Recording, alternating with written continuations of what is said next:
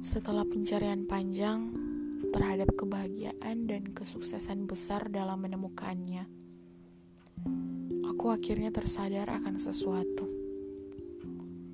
bahwa kita perlu sedih juga pada waktunya, bahwa kita perlu diam dan tidak tertawa juga pada waktunya.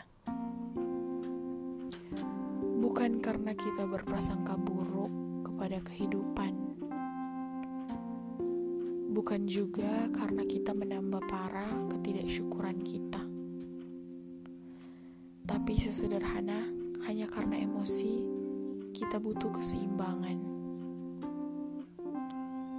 Satu air mata tidak akan mengubah fakta bahwa kamu bahagia.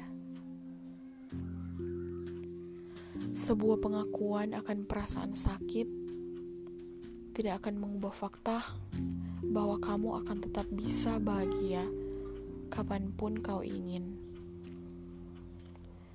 Jadi, tidak apa, biarkan saja emosi itu mengalir sekali-kali. Biarkan saja air mata itu membebaskan diri sekali-kali itu sungguh akan membuatmu merasa lebih baik dan membuatmu merasa lebih manusia.